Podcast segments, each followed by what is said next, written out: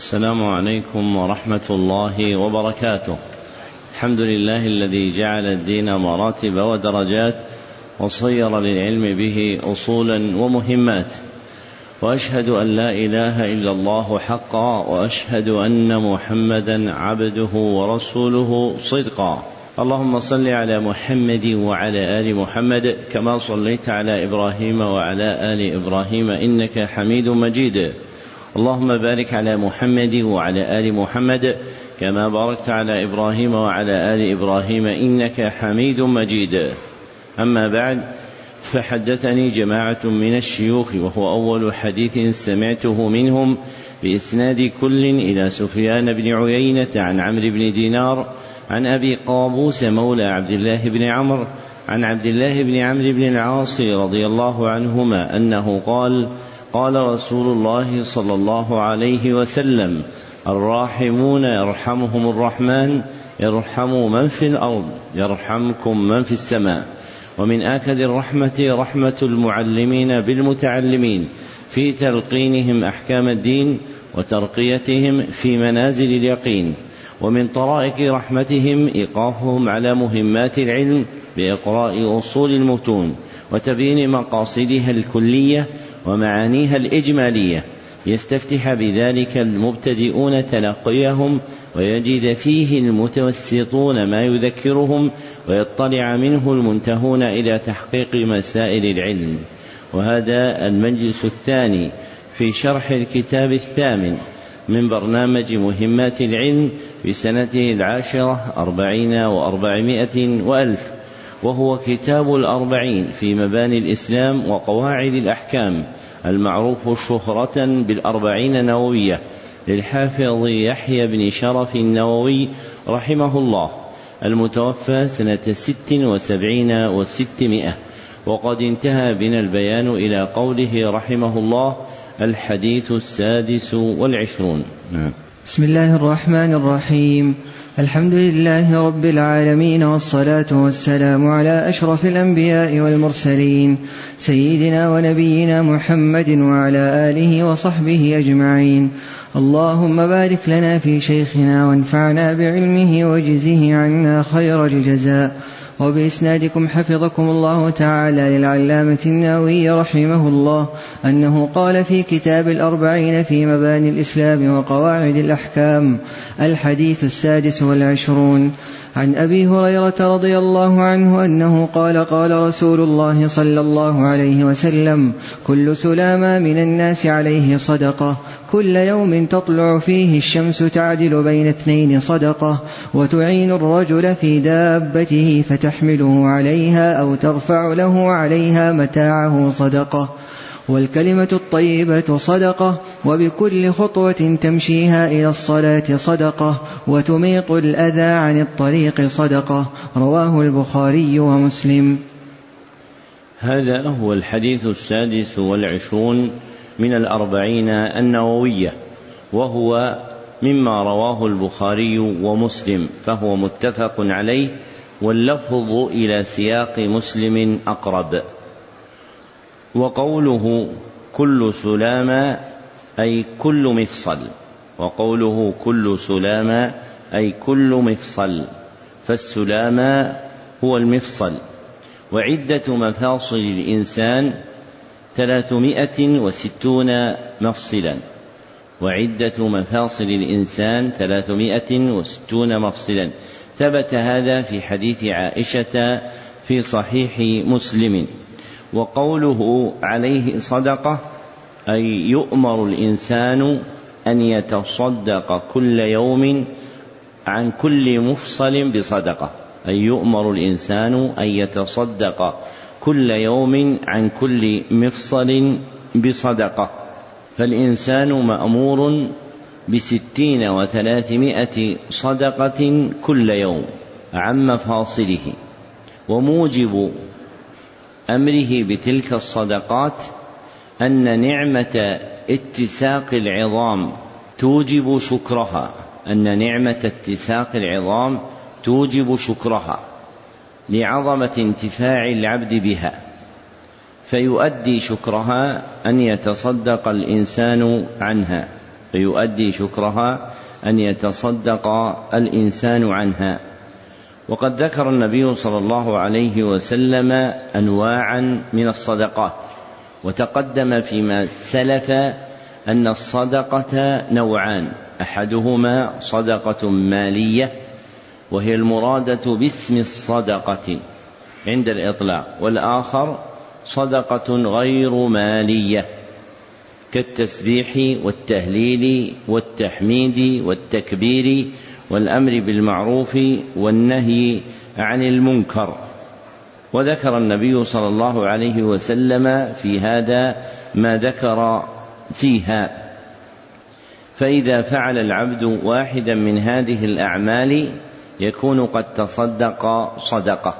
فمن سبح عشرا تصدق بعشر صدقات. ومن هلل عشرين تصدق بعشرين صدقة إلى آخر الأنواع المذكورة من الصدقات. ووقع عند مسلم في صحيحه في الحديث المذكور آنفا وهو المتقدم عليه أن النبي صلى الله عليه وسلم لما ذكر تلك الأنواع من الصدقات قال ويجزئ عن ذلك ركعتان يركعهما العبد من الضحى ويجزئ عن ذلك ركعتان يركعهما العبد من الضحى. فإذا ركع ركعتين في الضحى وهما صلاته تصدق بالصدقات المأمور بها عن مفاصله. تصدق بالصدقات المأمور بها عن مفاصله. وكان أداء ركعتي الضحى بمنزلة تلك الصدقات كلها لأمرين. وكان وكانت ركعتي الضحى بمنزلة تلك الصدقات كلها لأمرين. أحدهما أنه يحصل فيها استعمال جميع مفاصل البدن. أنه يحصل فيها استعمال جميع مفاصل البدن. فتكون كلها مشتركة في أداء الركعتين. فتكون كلها مشتركة في أداء الركعتين. فكل مفصل منها أدى شيئا من عمل الركعتين. فكل مفصل منها أدى شيئا من عمل الركعتين. والآخر أن الضحى وقت غفلة غالبا. أن الضحى وقت غفلة غالبا. فمن الناس من يسعى فيه إلى طلب رزقه ومن الناس من هو مشغول فيه بنومه أو لهوه. فمن الناس من يسعى فيه إلى طلب رزقه ومن الناس من هو مشغول فيه بنومه أو لهوه. ومن قواعد الشريعة أن العمل يعظم أجره في وقت الغفلة. ومن قواعد الشريعة أن العمل يعظم أجره في وقت الغفلة. نعم. أحسن الله إليكم. قال رحمه الله الحديث السابع والعشرون. عن النواس بن سمعان رضي الله عنه عن النبي صلى الله عليه وسلم أنه قال البر حسن الخلق والإثم ما حاك في نفسك وكرهت أن يطلع عليه الناس. رواه مسلم. وعن وابصة بن معبد رضي الله عنه أنه قال أتيت رسول الله صلى الله عليه وسلم فقال جئت تسأل عن البر. قلت نعم. قال استفت قلبك. البر ما اطمأنت إليه النفس واطمأن إليه القلب. والإثم ما حاك في النفس وتردد في الصدر وإن أفتاك الناس وأفتوك. حديث حسن رويناه في مسند الإمامين أحمد بن حنبل والدارمي بإسناد حسن. هذه الترجمة الحديث السابع والعشرون هي الترجمة المشتملة على حديثين فبتفصيلهما صارت عدة أحاديث الأربعين ثلاثة وأربعين حديثا. فأما حديث النواس فرواه مسلم بهذا اللفظ. ووقع في رواية له الإثم ما حاك في صدره. ووقع في رواية له الإثم ما حاك في صدرك. وأما حديث وابصة ابن معبد رضي الله عنه فرواه أحمد والدارمي. وإسناده ضعيف. وله شاهد من حديث أبي ثعلبة الخشني رضي الله عنه رواه الطبراني في المعجم الكبير وجود إسناده ابن رجب في جامع العلوم والحكم. رواه الطبراني في المعجم الكبير وجود إسناده الحافظ ابن رجب في جامع العلوم والحكم. فبه يكون حديث وابصة حديثا حسنا. فبه يكون حديث وابصة حديثا حسنا. وهذان الحديثان مشتملان على بيان حقيقة أمر عظيم في الدين وهو البر ومقابله الإثم وهو البر ومقابله الإثم. فإن النبي صلى الله عليه وسلم بينهما بطريقين أحدهما باعتبار الحقيقة باعتبار الحقيقة والآخر باعتبار الأثر أحدهما باعتبار الحقيقة والآخر باعتبار الأثر. أما باعتبار الحقيقة فإن النبي صلى الله عليه وسلم بين البر بقوله البر حسن الخلق البر حسن الخلق. وأما باعتبار الأثر ففي قوله صلى الله عليه وسلم البر ما اطمأنت إليه النفس واطمأن إليه القلب. البر ما اطمأنت إليه النفس واطمأن إليه القلب. فبين النبي صلى الله عليه وسلم أن حقيقة البر أنه حسن الخلق وتقدم أن الخلق له معنيان. أحدهما عام وهو الدين. أحدهما عام وهو الدين. والآخر خاص وهو معاملة الناس ومعاشرتهم وهو معاملة الناس ومعاشرتهم.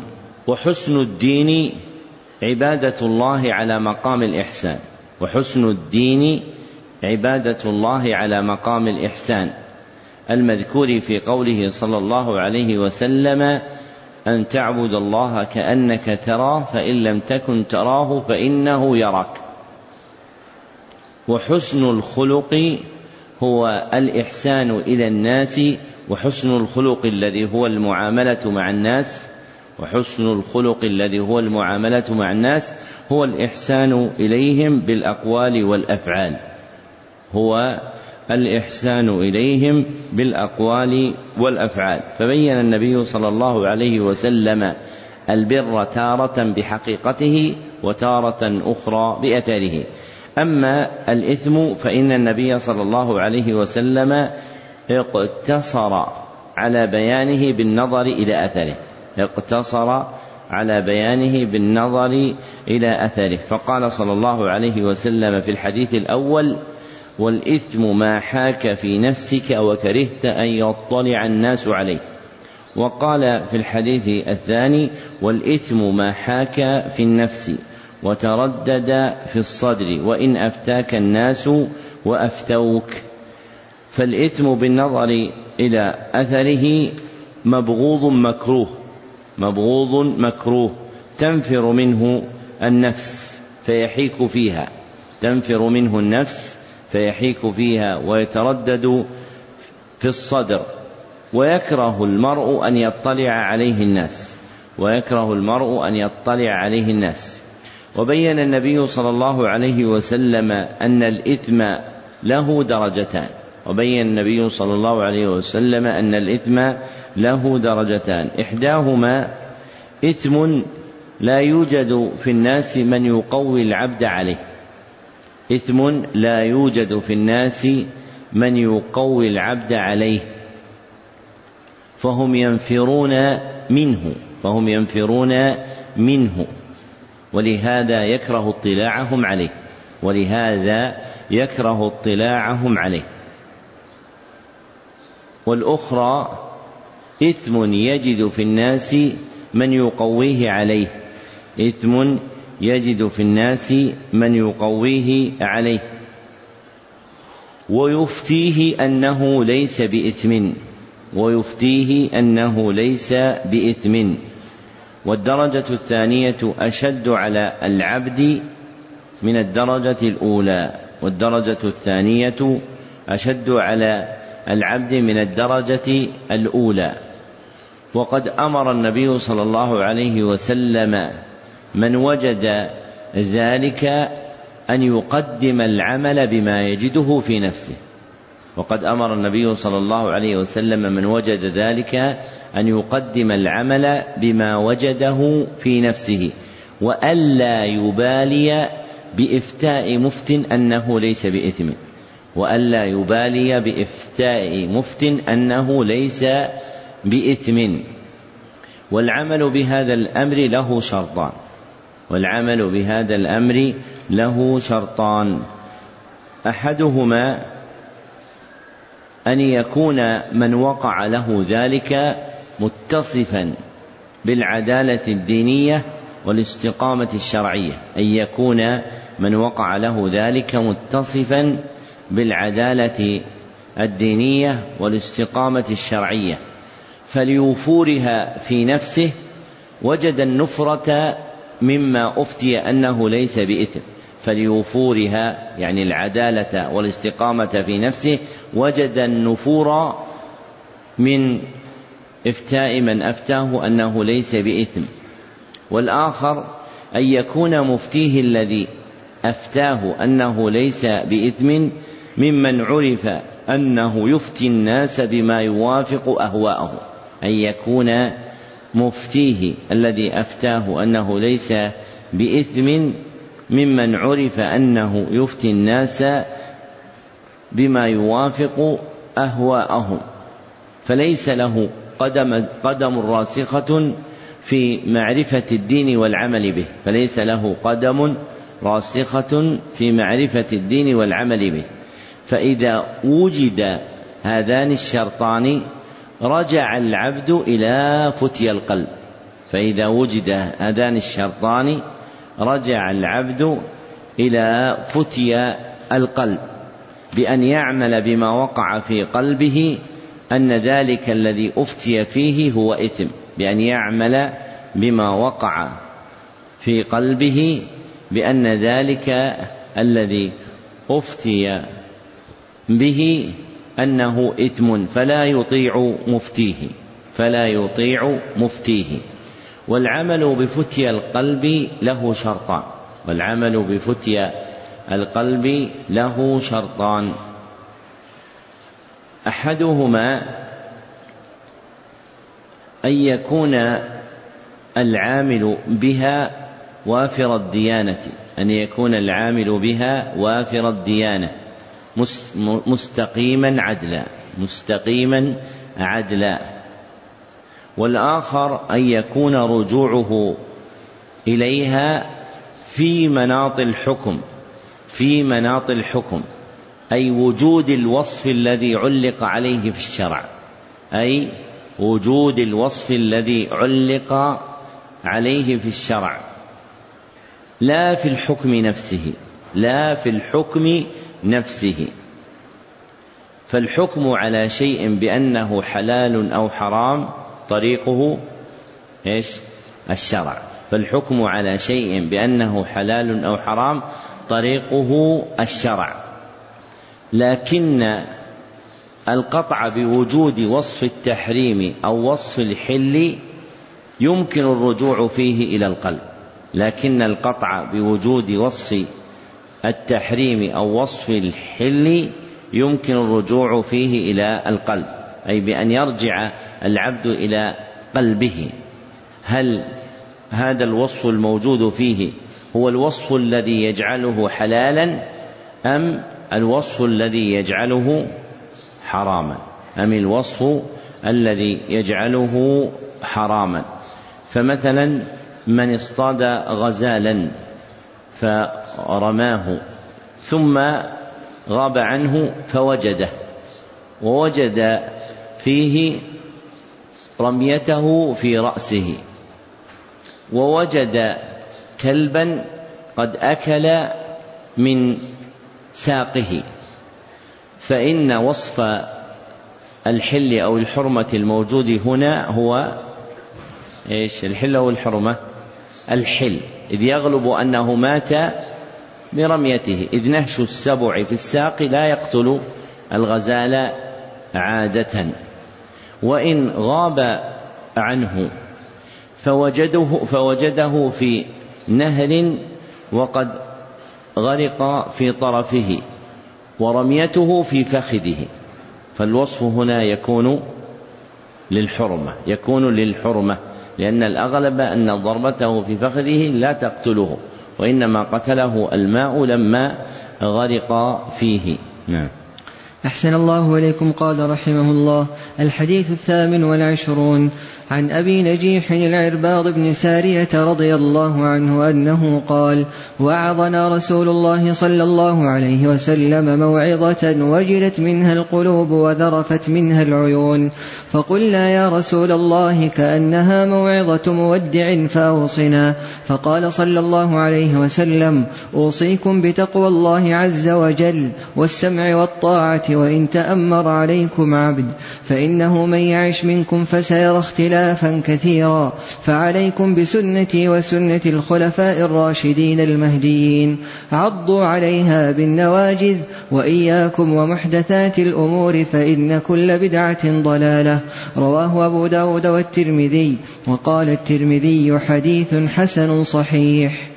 هذا هو الحديث الثامن والعشرون من الأربعين النووية وقد أخرجه أبو داود والترمذي كما عزاه إليهما المصنف ورواه ابن ماجه أيضا.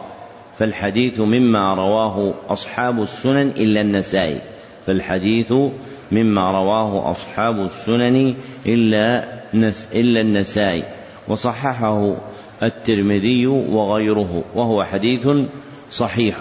والحديث المذكور مؤلف من أمرين. أحدهما موعظة وجلت منها القلوب وذرفت منها العيون. موعظة وجلت منها القلوب وذرفت منها العيون. والوصفان المذكوران يبينون عظمة تلك الموعظة وجلالتها. والوصفان المذكوران يبينان عظمة تلك الموضعة وجلالتها وجلالتها. ولم يقع ذكر ألفاظها في شيء من طرق الحديث.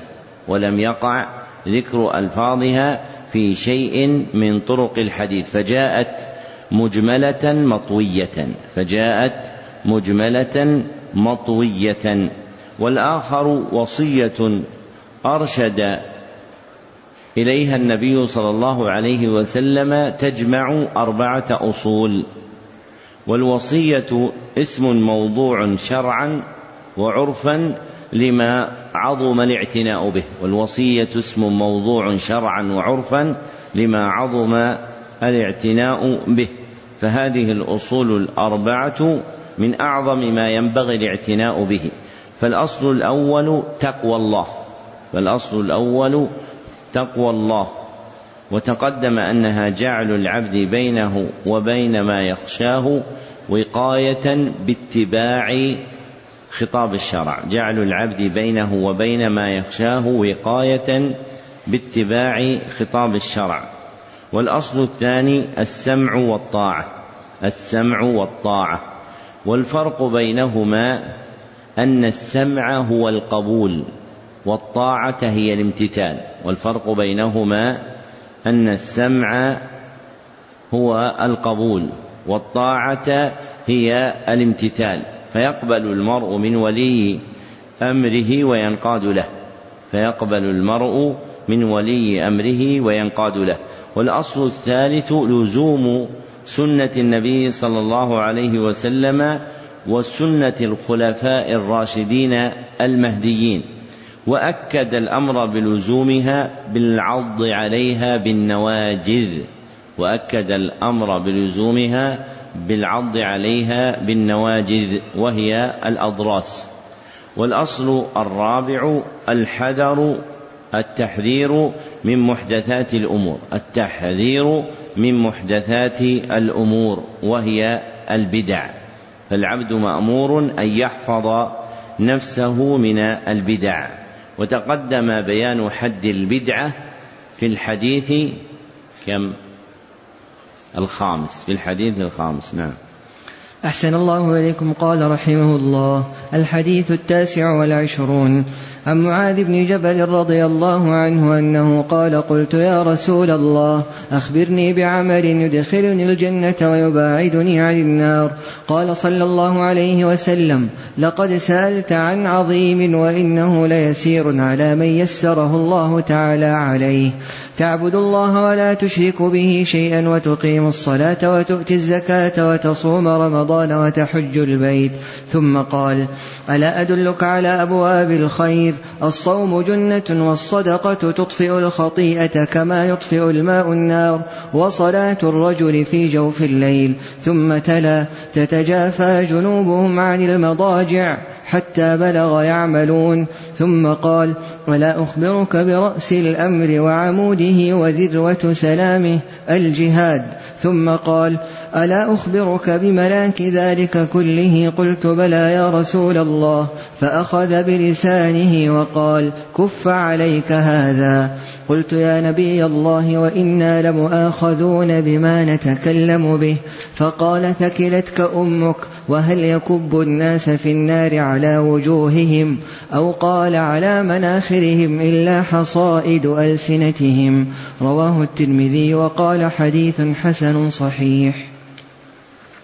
هذا هو الحديث التاسع والعشرون من الأحاديث الأربعين النووية. وقد أخرجه الترمذي وابن ماجه أيضا. وروي من وجوه مختلفة لا يسلم شيء منها من ضعف. ومن أهل العلم من يقويه بمجموعها ويراه حديثا حسنا. وهو من الأحاديث العظيمة الجامعة بين الفرائض والنوافل. وهو من الأحاديث العظيمة العظيمة الجامعة بين الفرائض والنوافل. فأما الفرائض فهي المذكورة في قوله صلى الله عليه وسلم تعبد الله ولا تشرك به شيئا. إلى آخر الجملة المذكورة المتضمنة أركان الإسلام الخمسة. إلى آخر الجملة المذكورة المتضمنة أركان الإسلام الخمسة وقوله فيه تعبد الله ولا تشرك به شيئا هو بمنزلة الشهادتين المذكورتين في حديث ابن عمر وهو الحديث الخامس بمنزلة الشهادتين المذكورتين في حديث ابن عمر وهو الحديث الخامس أن النبي صلى الله عليه وسلم قال بني الإسلام على خمس شهادة أن لا إله إلا الله وأن محمدا رسول الله. والمذكور منهما هنا هو معنى شهادة أن لا إله إلا الله. والمذكور منهما هنا هو معنى شهادة أن لا إله إلا الله. وتكون الشهادة لمحمد صلى الله عليه وسلم بالرسالة تابعة لها. وتكون الشهادة لمحمد صلى الله عليه وسلم بالرسالة تابعة لها. فالجملة المذكورة جامعة أركان الإسلام الخمسة كجمعها في حديث ابن عمر المتقدم. وأما النوافل فهي مذكورة في قوله صلى الله عليه وسلم ألا أدلك على أبواب الخير الصوم جنة والصدقة تطفئ الخطيئة كما يطفئ الماء النار وصلاة الرجل في جوف الليل. وأبواب الخير أنواعه. وأبواب الخير أنواعه. والجاري إطلاقه على النوافل. والجاري إطلاقه على النوافل. فإذا ذكرت أبواب الخير فالمراد بها نوافل الأعمال. وأبواب الخير الممدوحة نوافلها في الحديث ثلاثة. وأبواب الخير الممدوحة نوافلها في الحديث ثلاثة. فالنافلة الأولى الصوم. فالنافلة الأولى الصوم. وقد جعلها وقد جعله النبي صلى الله عليه وسلم جنة. أي وقاية يتقي بها الإنسان. أي وقاية يتقي بها الإنسان. وهو جنة في الدنيا من الآثام وجنة في الآخرة من النار. وهو جنة في الدنيا من الآثام وجنة في الآخرة من النار. والنافلة الثانية الصدقة. والنافلة الثانية الصدقة. وقد جعلها النبي صلى الله عليه وسلم مطفئة الخطيئة كما يطفئ الماء النار. وقد جعلها النبي صلى الله عليه وسلم مطفئة الخطيئة كما يطفئ الماء النار. لأن حاجة العبد لأن حاجة العبد وافتقاره كالنار في نفسه كالنار في نفسه. والصدقة تدفع هذه النار من نفوس المحتاجين والصدقة تدفع هذه النار من نفوس المحتاجين. فجزاء إطفائهم نار الحاجة في النفوس فجزاء إطفائهم نار الحاجة في النفوس أطفأت صدقاتهم النار كما يطفئ الماء النار. أطفأت صدقاتهم النار أي العقوبة عنهم بها كما يطفئ الماء النار. والنافلة الثالثة صلاة الليل. والنافلة الثالثة صلاة الليل. وقد عينها النبي صلى الله عليه وسلم بكونها في جوفه. بكونها في جوفه أي في وسطه أي في وسطه. وذكر الرجل خرج مخرج الغالب. وذكر الرجل خرج مخرج الغالب. فالمرأة مثله في ذلك. فالمرأة مثله في ذلك. وقرأ النبي صلى الله عليه وسلم الآية عقب ذكر صلاة الليل للدلالة على جزاء أهلها. وذكر النبي صلى الله وقرأ النبي صلى الله عليه وسلم الآية عقب ذكر صلاة الليل للدلالة على جزاء أهلها. ثم لما فرغ رسول الله صلى الله عليه وسلم من تفاصيل الجمل بما ذكر من الفرائض والنوافل جمع لمعاذ رضي الله عنه كليات تلك الوصية الوصية. فقال ألا أخبرك برأس الأمر وعموده وذروة سنامه. الجهاد الجهاد. فوقع الجواب بالجهاد على المسائل الثلاث. فوقع الجواب بالجهاد عن المسائل الثلاث. فيكون الجهاد هو رأس الأمر وعموده وذروة سنامه. والرواية بهذا اللفظ هي الواقعة في نسخ الأربعين النووية العتيقة وهي الموافقة لرواية النووي نفسه للترمذي وهي الموافقة لرواية الترمذي نفسه لرواية النووي نفسه للترمذي. ووقع في بعض روايات الترمذي تفصيل الجواب ووقع في بعض روايات الترمذي تفصيل الجواب. أن النبي صلى الله عليه وسلم قال رأس الأمر الإسلام وعموده الصلاة وذروة سنامه الجهاد في سبيل الله. رأس الأمر الإسلام وعموده الصلاة وذروة سنامه الجهاد في سبيل الله. وهذا هو المحفوظ في لفظ الحديث. وهذا هو المحفوظ في لفظ الحديث. أن الجواب وقع عن الأسئلة الثلاثة بأجوبة ثلاثة لا بجواب واحد كما وقع في بعض روايات الترمذي وهو المثبت في الأربعين النووية. فقوله صلى الله عليه وسلم رأس الأمر الإسلام أي رأس الدين هو الاستسلام لله بالتوحيد أي رأس الدين هو الاستسلام لله بالتوحيد. فالأمر يطلق ويراد به الدين. فالأمر يطلق ويراد به الدين. ومنه ما تقدم في الحديث أي حديث الثاني ولا الثالث؟ وهو موجود عندك كذا في النسخة؟ لا عندك في النسخة موجود الحديث الثاني افتحها. في النسخة عندك الحديث الثاني. فإنه جبريل أتاكم يعلمكم ها؟ فيها أمر ولا دينكم؟ دينكم. نبهنا على أن ليس المحفوظ بها كلمة أمر وإنما مر معنا في حديث ما هو أحسن. تقدم معنا في الحديث الخامس من أحدث في أمرنا هذا يعني في ديننا هذا. وقوله صلى الله عليه وسلم وعموده الصلاة أي هي بمنزلة العمود منه أي هي بمنزلة العمود منه. فجعل الإسلام بناء والصلاة عمود ذلك البناء. فجعل الصلاة بناء والصلاة عمود ذلك البناء. وتقدم أن النبي صلى الله عليه وسلم مثل الإسلام ببناء في حديث أي حديث في حديث بني الإسلام على خمس وهو الحديث الثالث وهو الحديث الثالث. وأنزل النبي صلى الله عليه وسلم هنا الصلاة منزلة تلك الأعمدة الخمسة للبناء المذكورة في حديث ابن عمر. فقال هنا وعموده الصلاة. فجعل الإسلام كبناء له عمود واحد هو الصلاة.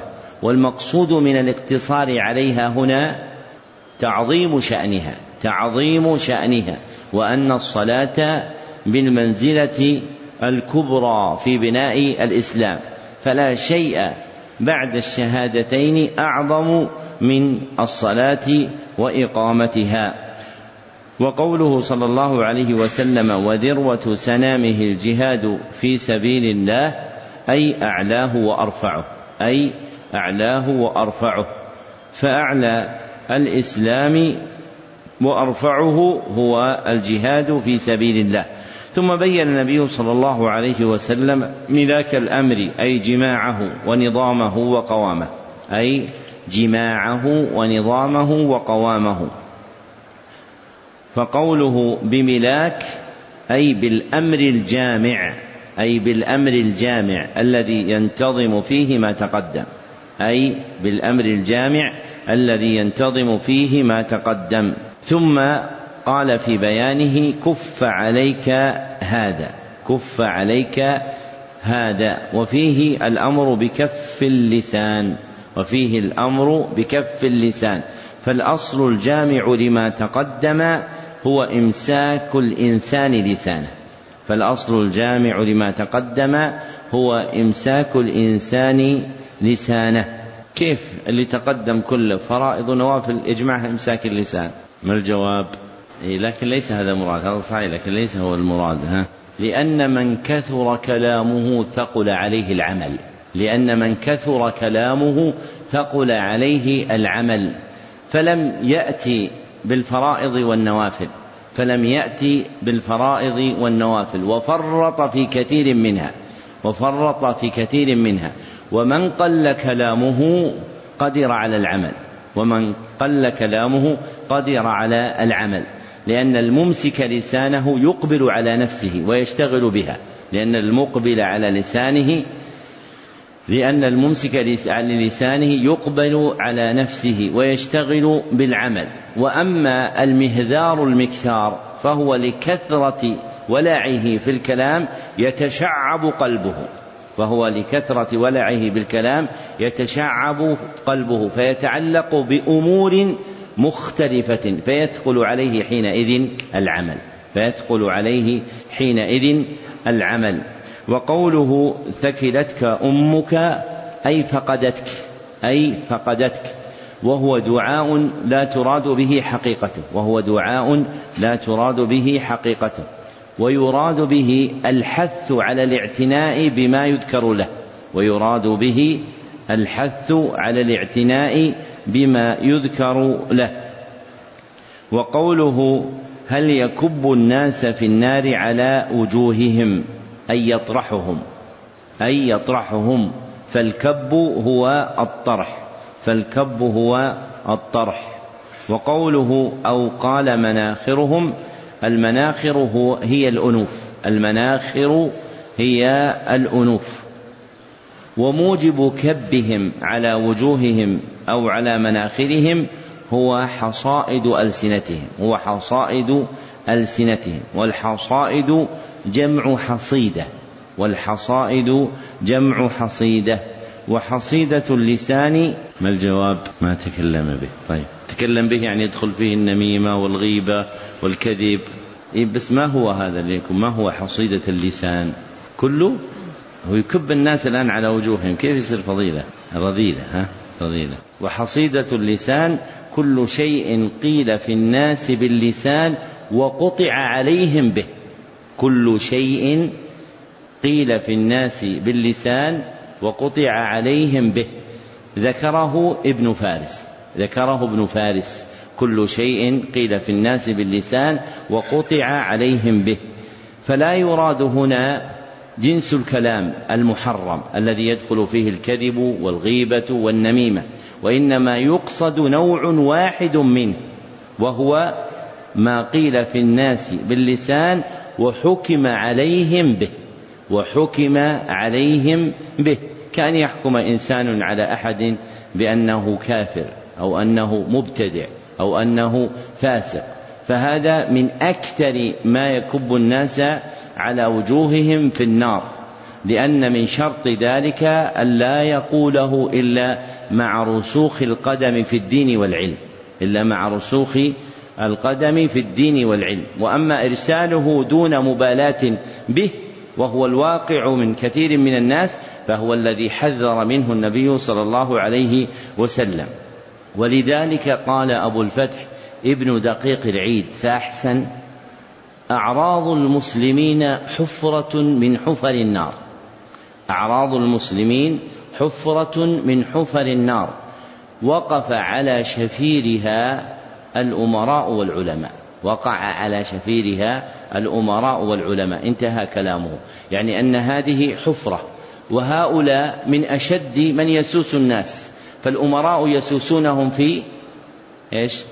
الدنيا. والعلماء يسوسونهم في في الدين وهؤلاء مع أنه أوكل إليهم الأمر شرعا فهم على خطر إيش؟ عظيم واقفين على شفير الحفرة. فكيف بمن لم يوكل إليه الأمر؟ فكيف بمن يوكل إليه الأمر؟ ولذلك من اعتبر هذا الحديث عرف صدق النبي صلى الله عليه وسلم وأن كثيرا من الناس لا يبالي بالكلمة التي يتكلم بها في حكمه على فلان أو على فلان أو على فلان وينسى أن الله سبحانه وتعالى موقفه وسائله.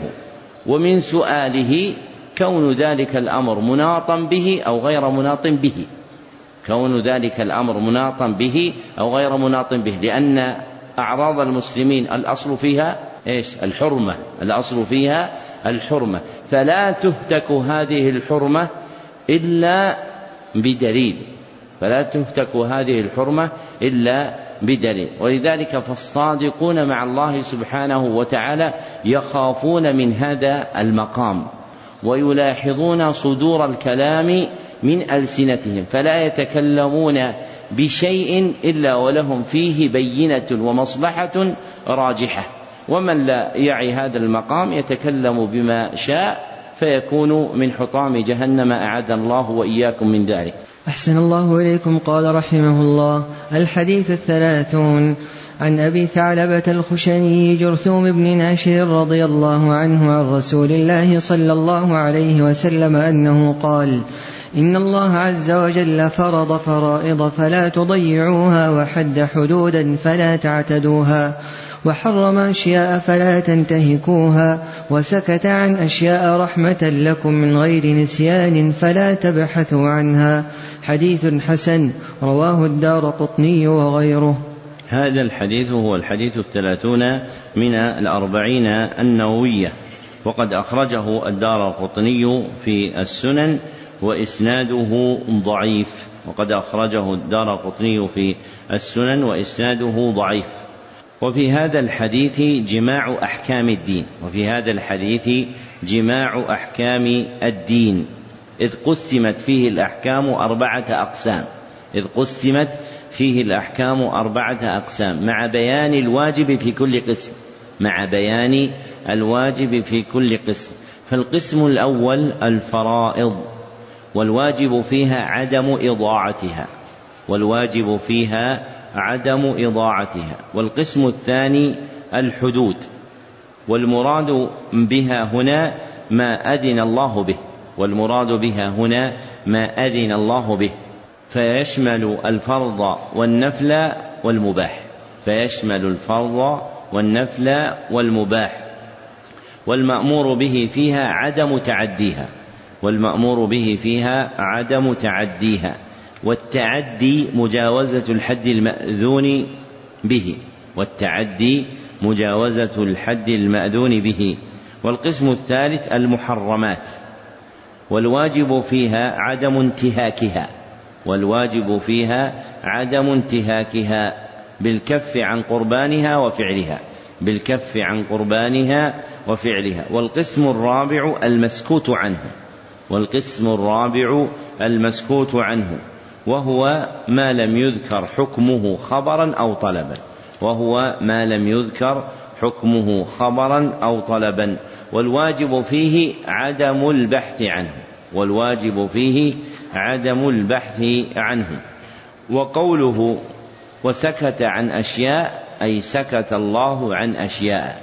أي سكت الله عن أشياء. وفيه إثبات صفه السكوت لله. والإجماع منعقد عليها والإجماع منعقد عليها. نقله ابن تيمية الحفيد. نقله ابن تيمية الحفيد. والسكوت له معنيان والسكوت له معنيان. أحدهما عدم بيان الأحكام عدم بيان الأحكام. والآخر الانقطاع عن الكلام.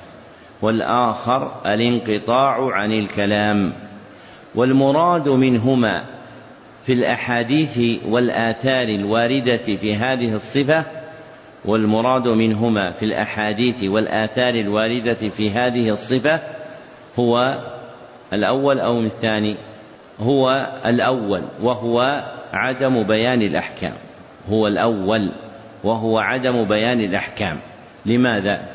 لماذا هو المراد؟ يا محمد. لأن السياق الذي وردت فيه الأحاديث والآثار يتعلق ببيان الأحكام. لأن السياق الذي وردت فيه الأحاديث والآثار يتعلق ببيان الأحكام. أحسن الله إليكم قال رحمه الله. الحديث الحادي والثلاثون. عن أبي العباس سهل بن سعد الساعدي رضي الله عنه أنه قال طيب لو قال واحد نحن نعرف في, ظاهر الحديث أنه هو عدم الكلام. قال السكوت معروف. إذا قلت لفلان اسكت يعني إيش؟ لا تتكلم. ما الجواب عنه؟ ظاهر الحديث في لسانك أنت وليس في لسان العرب. ظاهر الحديث في لسانك أنت ليس في لسان العرب. فأصل السكت في لسان العرب هو القطع والامتناع. فأصل السكت في لسان العرب هو القطع والامتناع ولذلك يسمون الحصان العاشر في حلبة السباق يسمونه السكيت. لماذا؟ لأنه لا يعد بعده فائز. فالعرب تعد في الفوز عشرة فقط. فالعرب تعد في الفوز عشرة فقط. ومنه الاصطلاح الموجود عند الاصطلاح الموجود عند الناس العشرة الفائقون. فهذا مأخوذ أصله من حال العرب. وبقي فينا مع خفاء أصله لكن أصله هو هذا أنهم يعدون في حلبة الخيل الفوز لعشرة فما بعد العاشر لا يعدونه فائزا ويسمون العاشر السكيت لأنه انقطع بعده العد وامتنع ذكر كونه فائزا. فالذي يقول ظاهر الحديث أن السكوت عدم الكلام هو ظاهر فهمك أنت وليس كلام العرب. ولذلك كثير من المتكلمين في أحكام الشرع تسمع الآن يقول ظاهر الآية أو ظاهر الحديث. هذا ظاهر الآية أو الحديث في فهمه هو وليس في اللغة العربية التي يفهم بها خطاب الشرع. اللغة العربية التي يفهم بها خطاب الشرع. وهذا باب فتح به على الناس شر من طائفتين. إحداهما طائفة منتسبة للعلم عندها نقص في إدراك العلم على حقائقه وطائفة مشبهة من أهل البدع والشبهات والشهوات الذين يروجون مفاهيم جديدة لأحكام شرعية يزعمون أن خطاب الشرع يدل عليها مع جهلهم هم بخطاب الشرع. وهذا يحمل طالب العلم على العناية باللسان العربي. ولا أقصد باللسان العربي النحو فقط بل أهم منه كذلك متن اللغة. متن اللغة يعني مفردات العرب وتراكيبها. ماذا يريدون بهذا اللفظ؟ وما هذا اللفظ ما هو عندهم؟ فإنه الأمر كما قال جماعة من السلف إنما أتي القوم من العجمة يعني أهل البدع جاءوا من العجمة وهم لا يزالون هكذا من العجمة وإن كانوا ينتسبون إلى اللسان العربي. نعم. أحسن الله إليكم. قال رحمه الله الحديث الحادي والثلاثون عن أبي العباس سهل بن سعد الساعدي رضي الله عنه أنه قال جاء رجل إلى النبي صلى الله عليه وسلم فقال يا رسول الله دلني على عمل إذا أنا عملته أحبني الله وأحبني الناس فقال صلى الله عليه وسلم ازهد في الدنيا يحبك الله وازهد فيما عند الناس يحبك الناس. حديث حسن رواه ابن ماجه وغيره بأسانيد حسنة. ذكر المصنف هذا هو الحديث الحادي والثلاثون من الأربعين النووية. وقد أخرجه ابن ماجه بإسناد ضعيف. فقول المصنف رحمه الله بأسانيد حسنة فيه ما فيه. فقول المصنف بأسانيد حسنة فيه ما فيه أي متعقب بكونه مرويا عنده بإسناد واحد وأن ذلك الإسناد هو إسناد ضعيف. والزهد في الدنيا شرعا هو الرغبة عما لا ينفع في الآخرة. والزهد في الدنيا شرعا هو الرغبة عما لا ينفع في الآخرة. فقوله في الحديث ازهد في الدنيا أمر بالزهد فيها وفق المذكور. أمر بالزهد فيها وفق المذكور. من الرغبة عما لا ينفع في الآخرة. ويندرج في هذا الوصف أربعة أشياء. ويندرج في هذا الوصف أربعة أشياء. أولها المحرمات وثانيها المكروهات. وثالثها المشتبهات لمن لا يتبينه. وثالثها المشتبهات لمن لا يتبينها. ورابعها فضول المباحات. فضول المباحات. وهي الزائدة على قدر الحاجة. وهي الزائد الزائدة على قدر الحاجة. فالزهد واقع في هذه الأمور الأربعة. فالزهد واقع في هذه الأمور الأربعة. وقوله صلى الله عليه وسلم وازهد فيما عند الناس هو من جملة الزهد في الدنيا. هو من جملة الزهد في الدنيا. وخص بمرتبة مفردة وخص بمرتبة مفردة لاختلاف ثمرته عن ثمرة الزهد في الدنيا. لاختلاف ثمرته عن ثمرة الزهد في الدنيا. فالزهد في الدنيا يثمر محبة الله. فالزهد في الدنيا يثمر محبة الله. والزهد فيما عند الناس يثمر محبته والزهد فيما عند الناس يثمر محبتهم. فالناس مجبولون على بغض من ينازعهم ما عندهم. فالناس مجبولون على بغض ما ينازع من ينازعهم ما عندهم. فإذا زهد فيما عندهم أحبوه. فإذا زهد فيما عندهم أحبوه. فالحديث أصل في الزهد كله ومنه الزهد فيما في أيدي الناس. فالحديث أصل في الزهد كله ومنه الزهد فيما عند فيما بأيدي الناس. نعم. أحسن الله إليكم قال رحمه الله. الحديث الثاني والثلاثون. عن أبي سعيد سعد بن مالك بن سنان الخدري رضي الله عنه أن رسول الله صلى الله عليه وسلم قال لا ضرر ولا ضرار. حديث حسن. رواه ابن ماجه والدار قطني وغيرهما مسندا. ورواه مالك في الموطأ مرسلا. عن عمرو بن يحيى عن أبيه عن النبي صلى الله عليه وسلم فأسقط أبا سعيد وله طرق يقوي بعضها بعضا. هذا هو الحديث الثاني والثلاثون من الأربعين النووية ولم يروه ابن ماجه كما عزاه إليه المصنف من حديث أبي سعيد الخدري ولم يروه ابن ماجه كما عزاه إليه المصنف من حديث أبي سعيد الخدري فهو عنده من حديث ابن عباس. فهو عنده من حديث ابن عباس. وأما الدار قطني فرواه من حديث أبي سعيد الخدري. وأما الدار قطني فرواه من حديث أبي سعيد الخدري. ورواه مالك مرسلا. فيكون سواء السبيل في تخريج هذا الحديث أن يقال رواه ابن ماجه من حديث ابن عباس ورواه الدار قطني من حديث أبي سعيد الخدري ورواه مالك من حديث عمرو بن يحيى عن أبيه مرسلا. وطرق الحديث لا تسلم من ضعف وطرق الحديث لا تسلم من ضعف إلا أنه يقوي بعضها بعضا فيكون حديثا حسنا فيكون حديثا حسنا. والحديث المذكور مشتمل على نفي أمرين والحديث المذكور مشتمل على نفي أمرين أحدهما الضرر والآخر الضرار. أحدهما الضرر والآخر الضرار. والفرق بينهما أن الثاني مفعول على وجه المقابلة. أن الثاني مفعول على وجه المقابلة. وأما الأول فمفعول ابتداء وأما الأول فمفعول ابتداء. فإذا ابتدأ أحد أحدا بما يؤذيه سمي إيش؟ ضررا. فإذا ابتدأ أحد أحد فإذا ابتدأ أحد أحدا بما يؤذيه سمي ضررا.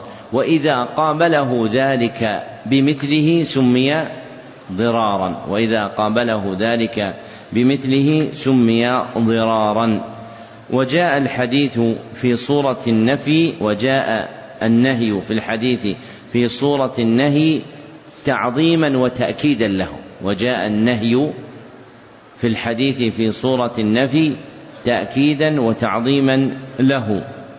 لأن المطلوب في الشرع هو نفي الضرر. لأن المطلوب في الشرع هو نفي الضرر. فالعبد منهي عنه ابتداء ومقابلة فالعبد منهي عنه ابتداء ومقابلة فهو محرم فهو محرم. والضرر المذكور في الحديث يشمل نوعين والضرر المذكور في الحديث يشمل نوعين. أحدهما منع الضرر قبل وقوعه منع الضرر قبل وقوعه. والآخر السعي في رفعه بعد وقوعه.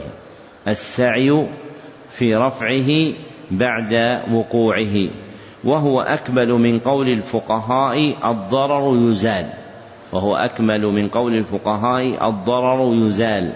لماذا أكمل؟ لأن قول الفقهاء الضرر يزال متعلق بالضرر الواقع فقط متعلق بالضرر الواقع فقط فتطلب إزالته بعد وقوعه. وأما قوله صلى الله عليه وسلم لا ضرر ولا ضرار فيتعلق بالضرر الواقع والضرر إيش؟ المتوقع والضرر المتوقع. فالضرر الواقع يرفع والضرر المتوقع يدفع. فالضرر الواقع يرفع والضرر المتوقع يدفع. نعم. أحسن الله إليكم قال رحمه الله. الحديث الثالث والثلاثون. عن ابن عباس رضي الله عنهما أن رسول الله صلى الله عليه وسلم قال لو يعطى الناس بدعواهم لادعى رجال أموال قوم ودماءهم لكن البينة على المدعي واليمين على من أنكر حديث حسن رواه البيهقي وغيره هكذا وأصله في الصحيحين. هذا هو الحديث الثالث والثلاثون من الأربعين النووية وقد أخرجه البيهقي في السنن الكبرى وهو بهذا اللفظ ضعيف غير محفوظ وهو بهذا اللفظ وهو بهذا اللفظ ضعيف غير محفوظ. والثابت حديث ابن عباس رضي الله عنهما في الصحيحين بلفظ لو يعطى الناس بدعواهم لو يعطى الناس بدعواهم لادعى ناس دماء رجال وأموالهم لادعى ناس دماء رجال وأموالهم وأموالهم ولكن اليمين على المدعى عليه ولكن اليمين على المدعى عليه. وفي الحديث بيان ما تحسم به المنازعات وتفصل ويفصل فيه بين الخصومات. وفي الحديث بيان ما تحسم به المنازعات ويفصل بين الخصومات. وهو جعل البينة على المدعي وجعل اليمين على ما أنكر على من أنكر. وهو جعل البينة على المدعي وجعل اليمين على من أنكر. والمدعي هو المبتدئ بالدعوى. والمدعي هو المبتدئ بالدعوى المطالب بها المطالب بها. ويسمى مقابله مدعا عليه ويسمى مقابله مدعا عليه. وهو من وقعت عليه الدعوى وهو من وقعت عليه الدعوى. والبينة اسم لكل ما يبين به الحق. والبينة اسم لكل ما يبين به الحق كالشهادة وغيرها كالشهادة وغيرها. واليمين هي الحلف واليمين هي الحلف. وسمي الحلف يمينا لأن عادة العرب أنهم كانوا إذا أرادوا القسم مد أحدهم يمينه. لأن عادة العرب أنهم كانوا إذا أراد أحدهم القسم مد يمينه. وفي الحديث أن البينة تكون على المدعي وأن اليمين تكون على المدعى عليه إذا أنكر. وفي الحديث أن البينة تكون على المدعي واليمين تكون على المدعى عليه إذا أنكر. فمن ادعى شيئا على أحد طولب بالبينة. فمن ادعى شيئا على أحد طولب بالبينة. ومن ادعي عليه شيء جعلت عليه اليمين إذا أنكر. ومن ادعي عليه شيء جعلت عليه اليمين إذا أنكر. والمذكور في الحديث هو الأصل الكلي باعتبار الغالب. الأصل الكلي باعتبار الغالب. إذ قد يجعل القاضي اليمين على المدعي. إذ قد يجعل القاضي اليمين على المدعي. بحسب القرائن المحيطة بالقضية. بحسب القرائن المحيطة بالقضية. فالحديث في بيان أصل تخرج عنه أحوال. فالحديث في بيان أصل تخرج عنه أحوال كما هو مقرر عند الفقهاء في باب الدعاوى والبينات من كتاب القضاء كما هو مقرر عند الفقهاء في باب الدعاوى والبينات من كتاب القضاء. نعم. أحسن الله إليكم. قال رحمه الله الحديث الرابع والثلاثون. عن أبي سعيد الخدري رضي الله عنه أنه قال سمعت رسول الله صلى الله عليه وسلم يقول من رأى منكم منكرا فليغيره بيده فإن لم يستطع فبلسانه فإن لم يستطع فبقلبه وذلك أضعف الإيمان. رواه مسلم. هذا هو الحديث الرابع والثلاثون. من الأربعين النووية وقد أخرجه مسلم وحده دون البخاري فهو من أفراده عنه. والحديث المذكور أصل في الأمر بتغيير المنكرات. والحديث المذكور أصل في الأمر بتغيير المنكرات. فقوله فيه صلى الله عليه وسلم فليغيره أمر.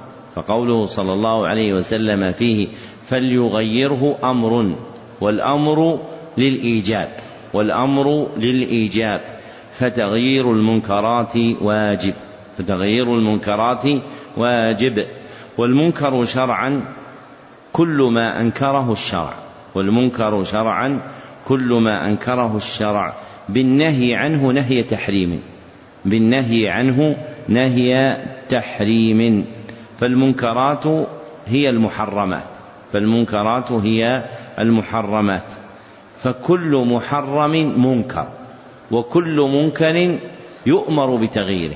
فكل محرم منكر وكل منكر يطلب بتغييره. لا فرق بين منكر ولا آخر. لا فرق بين منكر ولا آخر. وتغيير المنكر له ثلاث مراتب. وتغيير المنكر له ثلاث مراتب. فالمرتبة الأولى تغيير المنكر باليد. تغيير المنكر باليد. والمرتبة الثانية تغيير المنكر باللسان. والمرتبة الثانية تغيير المنكر باللسان. والمرتبة الثالثة تغيير المنكر بالقلب. والمرتبة الثالثة تغيير المنكر بالقلب. والمرتبة الأولى وهي الإنكار للمنكر باليد مجعول شرعا لمن له القدرة على ذلك. والإنكار والمرتبة الأولى وهي الإنكار للمنكر باليد مجعولة شرعا لمن له القدرة على ذلك كالسلطان أو نائبه.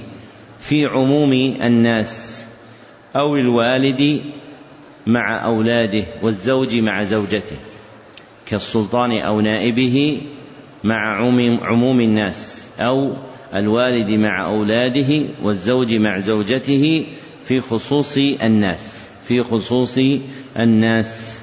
ويكون تغيير المنكر باليد في حقهم ويكون تغيير المنكر باليد في حقهم مأذونا به وفق الشرع مأذونا به وفق الشرع بشرط ألا يوقع في منكر أعظم منه بشرط ألا يوقع في منكر أعظم منه. وأما المرتبة الثانية وهي إنكار المنكر باللسان فهي لكل أحد من المسلمين. وأما المرتبة الثانية وهي إنكار المنكر باللسان فهي لكل أحد من المسلمين. نقل الإجماع على ذلك الجويني. نقل الإجماع على ذلك الجويني. فيجب على كل أحد من المسلمين إنكار المنكر بلسانه. إنكار المنكر بلسانه. وشرطه كسابقه. أن يكون إنكاره وفق المأذون به شرعا. أن يكون إنكاره وفق المأذون به شرعا. والمرتبة الأولى والثانية متعلقتان بالاستطاعة. والمرتبة الأولى والثانية متعلقتان بالاستطاعة. فإذا استطاع العبد أن ينكر بيده أو لسانه أنكر. وإن لم يستطع سقط عنه واجب تغيير المنكر. وأما المرتبة الثالثة فهي واجبة على كل أحد. وأما المرتبة الثالثة فهي واجبة على كل أحد. للقدرة عليها في حقهم. للقدرة عليها في حقهم. ويكون إنكار المنكر بالقلب بكراهته والنفرة منه. ويكون إنكار المنكر في القلب ويكون إنكار المنكر في القلب بكراهته والنفرة منه بكراهته والنفرة منه. ومما يحتاج إليه من القواعد النافعة فيما يتعلق بتغيير المنكرات ثلاث قواعد. القاعدة الأولى أن المنكر يبقى أبدا منكر أن المنكر يبقى أبدا منكر. فما حرمه الشرع فهو منكر لا تتغير حرمته ونكرته. فما حرمه الشرع فهو منكر لا تتغير حرمته ونكرته. والواجب على كل أحد أن يسعى في تغييره وفق ما يستطيع من المراتب الثلاث. وفق ما يستطيع من المراتب الثلاث. فالحرام الذي حرمه الله ورسوله صلى الله عليه وسلم حرام ومنكر إلى يوم الدين. حرام ومنكر إلى يوم الدين. والقاعدة الثانية أن إنكار المنكرات يشترط فيه عدم إشاعتها يشترط فيه عدم إشاعتها لأنها من عورات المسلمين لأنها من عورات المسلمين. ويجب على العبد أن يسعى في سترها وإبطالها ويجب على العبد أن يسعى في سترها وإبطالها. قال بعض السلف المنكرات عورات المسلمين المنكرات عورات المسلمين وقال آخر من أشاع منكرا فقد أعان على هدم الإسلام. من أشاع منكرا فقد أعان على هدم الإسلام. فما يقع من بعض الناس من تناقل صور المنكرات وتداولها في وسائل التواصل الاجتماعي محرم شرعا لأنه من إذاعة المنكر. وتغييره يقع دون هذا وتغييره يقع دون هذا فيغيره العبد بالطرائق الشرعية وليست من جملة الطرائق الشرعية أن يفعل هذا الفعل فيبين أن يعني أن يصور هذا المنكر فيبين أنه حرام. والقاعدة الثالثة أن إنكار المنكرات لا يجوز اتخاذه سبيلا لتفريق جماعة المسلمين أن إنكار المنكرات لا يجوز اتخاذه طريقا لتفريق جماعة المسلمين والتنفير عن ولي الأمر والتنفير عن ولي الأمر. فمن الناس من يجعل إنكار المنكرات غاية موصلة وسيلة موصلة إلى هذه الغاية. فيفرق المسلمين وينفرهم من السمع والطاعة بدعوى إنكار المنكر. والواجب عليه هنا شيئان. أحدهما إنكار المنكر والآخر لزوم السمع والطاعة والجماعة. فبهذا تتحقق الطريقة الشرعية في بقاء قوة جماعة المسلمين ونفي المنكرات فيهم. وإذا وقع شيء من المنكرات صرح العبد بحكمه دون تشخيصه لئلا يكون موصلا إلى هذه البلية التي فشت في الناس فهو يقول مثلا إن الغناء حرام وإن الموسيقى حرام وإن الاختلاط حرام وإن كذا وكذا حرام. لكن لا ينزله على وقائع معينة لئلا تكون سبيلا لمنكر آخر. وقد قال سائل مرة لشيخنا ابن باز رحمه الله أحسن الله إليكم لا يخفى عليكم حكم الغناء الواقع في كذا وكذا وسمى موضعا. فقاطعه الشيخ وقال الغناء حرام في كذا أو في غيره. يعني أن الغنى حرام في هذا في هذا المكان أو في غير هذا المكان. فالمحرمات فالمنكرات محرمة في أي مكان كانت وسبيل السلامة في هذا أن يلزم العبد العلماء الراسخين. أن يلزم العبد العلماء الراسخين. وقد حبيت هذه البلاد بعلماء صادقين ينصحون لولي الأمر وينكرون المنكرات ولكنهم لا يتخذون الإعلام أبواقا ليظهروا فيها صوتهم ويعلموا الناس بأخبارهم وإنما يجتهدون في ذلك على قدر ما تبرأ به ذمتهم ويحصل به المقصود في إنكارات المنكرات في إنكار المنكرات.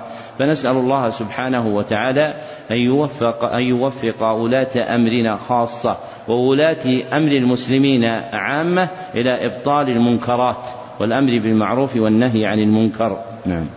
أحسن الله إليكم قال رحمه الله. الحديث الخامس والثلاثون.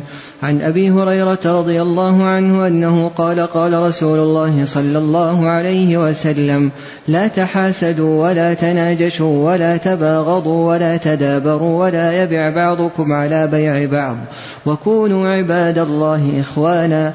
المسلم أخو المسلم لا يظلمه ولا يخذله ولا يكذبه ولا يحقره. التقوى ها هنا ويشير إلى صدره صلى الله عليه وسلم ثلاث مرات بحسب امرئ من الشر أن يحقر أخاه المسلم كل المسلم على المسلم حرام دمه وماله وعرضه رواه مسلم. هذا هو الحديث الخامس والثلاثون من الأربعين النووية. وقد أخرجه مسلم دون البخاري فهو من أفراده عنه. وليس عند مسلم قوله ولا يكذبه. وليس عند مسلم قوله ولا يكذبه. وفي الحديث ذكر خمس من المنهيات. وفي الحديث ذكر خمس من المنهيات. الأولى في قوله صلى الله عليه وسلم لا تحاسدوا. في قوله صلى الله عليه وسلم لا تحاسدوا. وهو نهي عن الحسد ابتداء ومقابلة وهو نهي عن الحسد ابتداء ومقابلة. فلا يحسد العبد غيره ولا يقابل حاسده بحسده. فلا يحسد العبد غيره ولا يقابل حاسده بحسده. وحقيقة الحسد كراهية العبد وصول النعمة إلى غيره. وحقيقة الحسد كراهية العبد وصول النعمة إلى غيره. ولو لم يتمن زوالها ولم ولو لم يتمن زوالها فمجرد الكراهية حسد. فمجرد الكراهية حسد حققه ابن تيمية الحفيد. والثانية في قوله صلى الله عليه وسلم ولا تناجشوا ولا تناجشوا. وهو نهي عن النجش وهو نهي عن النجش النجش وحقيقته تحصيل المقاصد بمكر وحيلة وحقيقته تحصيل المقاصد بمكر وحيلة فالعبد منهي عن تحصيل ما يريده بالمكر والحيلة.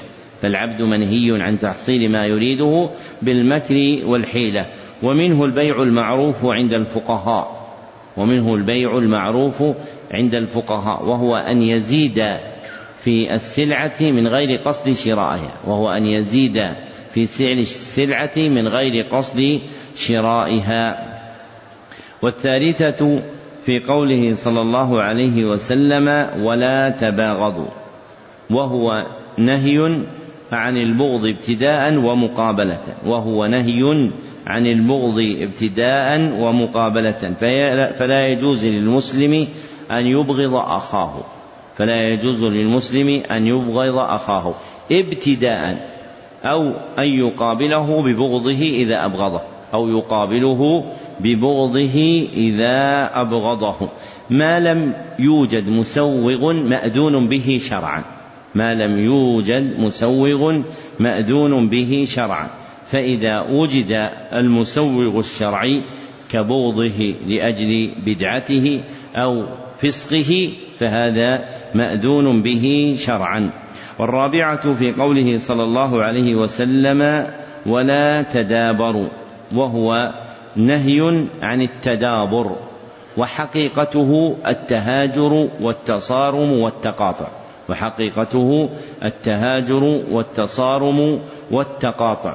سمي تدابرا لأن المتهاجرين يولي أحدهم يولي أحدهم ظهره عادة لغيره سمي تدابرا لأن أحدهم لأن المتهاجرين يولي أحدهم ظهره لغيره عادة فإذا أراد أن يهجره ولاه ظهره المشتمل على دبره.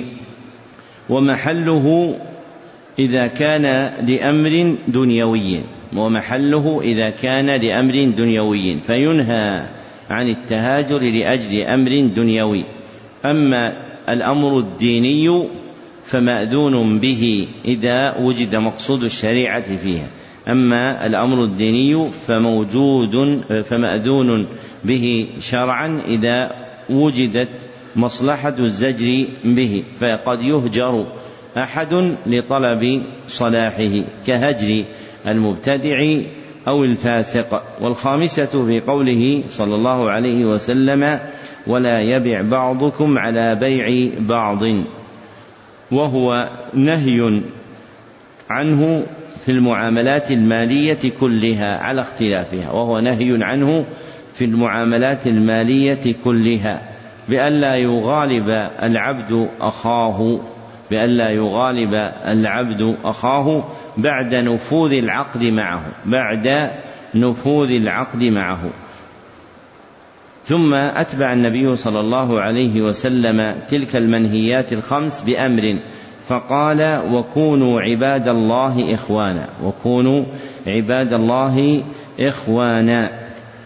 وهذه الجملة تحتمل معنيين وهذه الجملة تحتمل معنيين.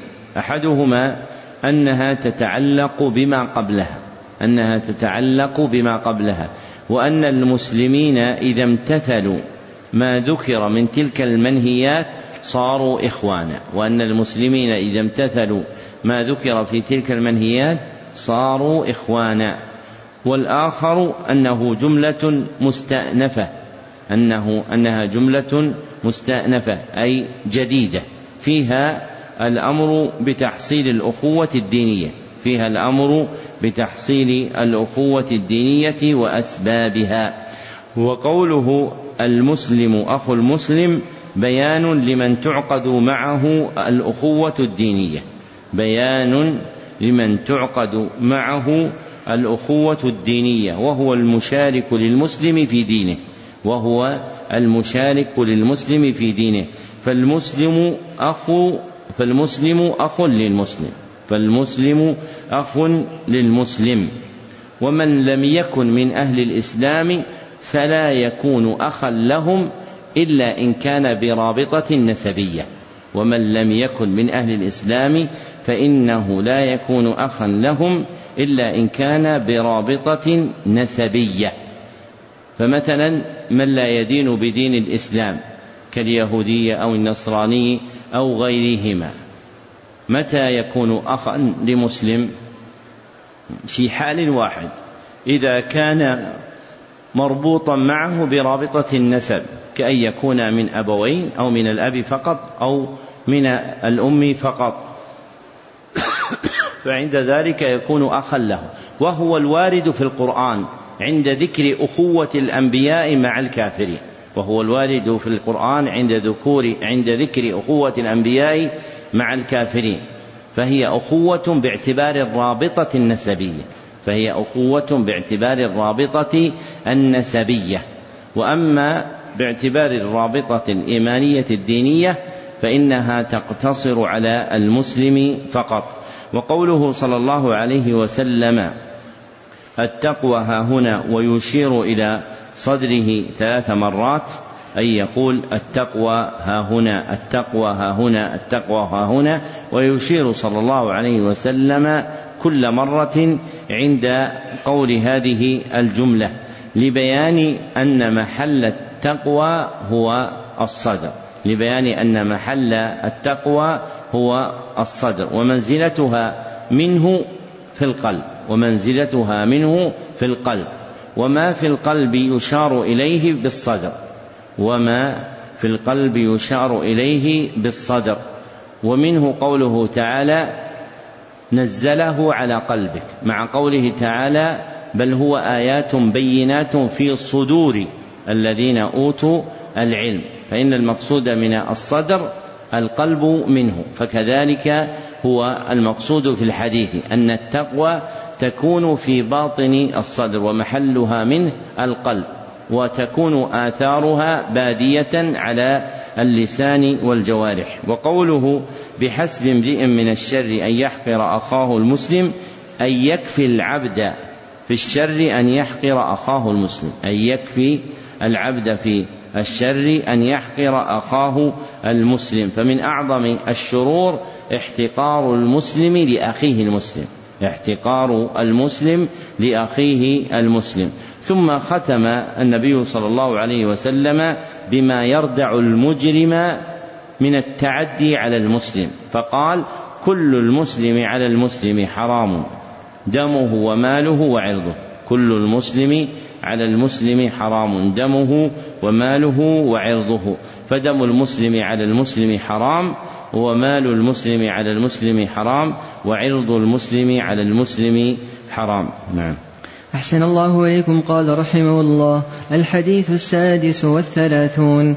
عن أبي هريرة رضي الله عنه عن النبي صلى الله عليه وسلم أنه قال من نفس عن مؤمن كربة من كرب الدنيا نفس الله عنه كربة من كرب يوم القيامة ومن يسر على معسر يسر الله عليه في الدنيا والآخرة ومن ستر مسلما ستره الله في الدنيا والآخرة.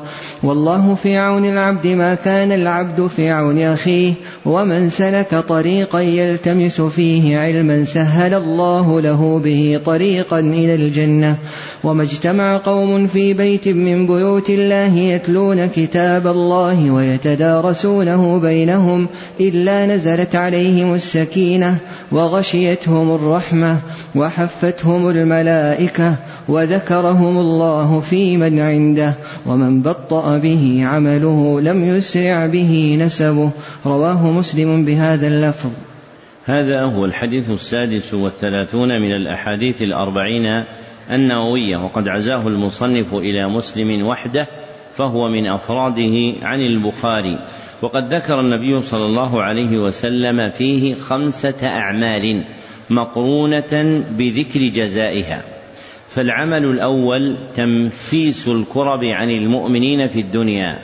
تنفيس الكرب عن المؤمنين في الدنيا. والكرب جمع كربة. وهي الأمر الشديد الذي يضيق به العبد. وهي الأمر الشديد الذي يضيق به العبد. وتنفيسها تفريجها عنه. وتنفيسها تفريجها عنه. وجزاؤه أن ينفس الله عنه كربة من كرب يوم القيامة وجزاؤها أن ينفس الله عنه كربة من كرب يوم القيامة. وأخر الجزاء تعظيما له وأخر الجزاء تعظيما له. فإن كرب يوم القيامة لا يعدلها شيء. فإن كرب يوم القيامة لا يعدلها شيء. والعمل الثاني التيسير على المعسر التيسير على المعسر. وجزاؤه أي والفعل الثاني التيسير على المعسر وجزاؤه أن ييسر الله على عامله في الدنيا والآخرة. أن ييسر الله على عامله في الدنيا والآخرة. والعمل الثالث الستر على المسلم. الستر على المسلم. وجزاؤه أن يستر الله على عامله في الدنيا والآخرة. أن يستر الله على عامله في الدنيا والآخرة. والناس في باب الستر نوعان. والناس في باب الستر نوعان. أحدهما من لا يعرف بالفسق ولا شهر به. من لا يعرف بالفسق ولا شهر به. فهذا إذا زلت قدمه بالوقوع في الخطيئة ستر عليه. فهذا إذا زلت قدمه بالوقوع في الخطيئة ستر عليه. والآخر من كان مشتهرا بالمعاصي منهمكا فيها. من كان مشتهرا بالمعاصي منهمكا فيها. فهذا إذا اطلع عليه لم يستر. ورفع أمره إلى ولي الأمر لزجره. ورفع أمره إلى ولي الأمر لزجره والأخذ على يده. والعمل الرابع سلوك طريق يلتمس فيه العلم. سلوك طريق يلتمس فيه العلم. وجزاؤه أن يسهل الله لعامله طريقا إلى الجنة. وجزاؤه أن يسهل الله لعامله طريقا إلى الجنة. يكون في الدنيا بالإعانة على أعمال أهلها من الطاعات. يكون في الدنيا بالإعانة على أعمال أهلها من الطاعات. ويكون في الآخرة بالهداية إلى الصراط الموصل إلى الجنة. ويكون في الآخرة بالهداية إلى الصراط الموصل إلى الجنة. فمن سلك طريقا يلتمس فيه علما كان هذا جزاؤه والالتماس هو أقل الابتغاء والطلب. والالتماس هو أقل الابتغاء والطلب. وهي صفة الأعمى إذا ابتغى شيئا. وهي صفة الأعمى إذا ابتغى شيئا. فإنه يقال يلتمس كذا وكذا. فإنه يقال يلتمس كذا وكذا. فمن بذل ولو شيئا يسيرا في ابتغاء العلم كان هذا جزاؤه. فمن فمن التمس فمن ابتغى شيئا ولو قل من العلم كان هذا جزاؤه. والعمل الخامس الاجتماع في بيت من بيوت الله وهي المساجد. الاجتماع في بيت من بيوت الله وهي المساجد على تلاوة القرآن ومدارسته. وجزاؤه نزول السكينة وغشيان الرحمة وحف الملائكة. وجزاؤه نزول السكينة وغشيان الرحمة وحف الملائكة. وذكر الله المجتمعين في من عنده. وذكر الله المجتمعين في من عنده. وفي هذا تعظيم الاجتماع على القرآن وما تعلق به من العلم في المساجد.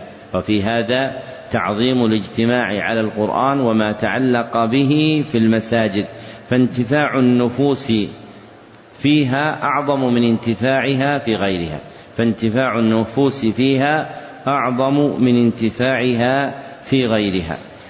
ثم ختم النبي صلى الله عليه وسلم بقوله ومن بطأ به عمله لم يسرع به نسبه إعلاما بمقام العمل وأن الإنسان إذا لم يكن له عمل لم ينفعه نسبه وأن الإنسان إذا لم يكن له عمل لم ينفعه نسبه فلا يرفعه إلى المقامات العالية في الأجر إلا العمل. فلا يرفعه إلى المقامات العالية في إلى المقامات العالية إلا العمل. وأما النسب فإنه إذا خلا من الأعمال الصالحة لم يجد عليه لم يجد له شيئا. وتقدم قوله صلى الله عليه وسلم في الصحيح إن الله لا ينظر إلى صوركم ولا أموالكم. وفي رواية أجسامكم وإنما ينظر إلى قلوبكم وأعمالكم. وهذا آخر البيان على هذه الجملة من الكتاب ونستكمل بقيته بعد صلاة المغرب إن شاء الله تعالى والحمد لله رب العالمين.